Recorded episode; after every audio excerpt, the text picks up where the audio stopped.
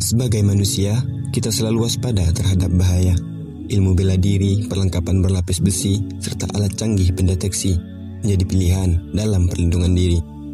Namun, bagaimana dengan imanmu? Mampukah peralatan canggih membuat hatimu terus bercahaya? Ada sebuah fase yang disebut radius perlindungan. Dalam area penjagaan, di mana bukan kamu yang menjaga, melainkan dijaga.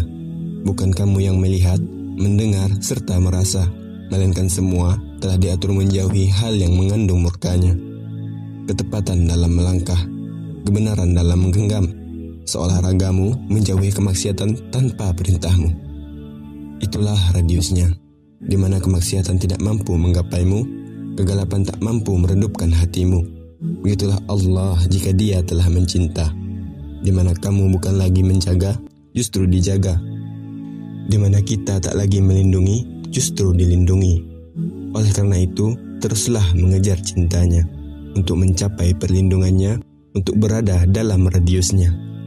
Sungguh, tak ada cinta yang perkasa, melainkan cinta kepadanya.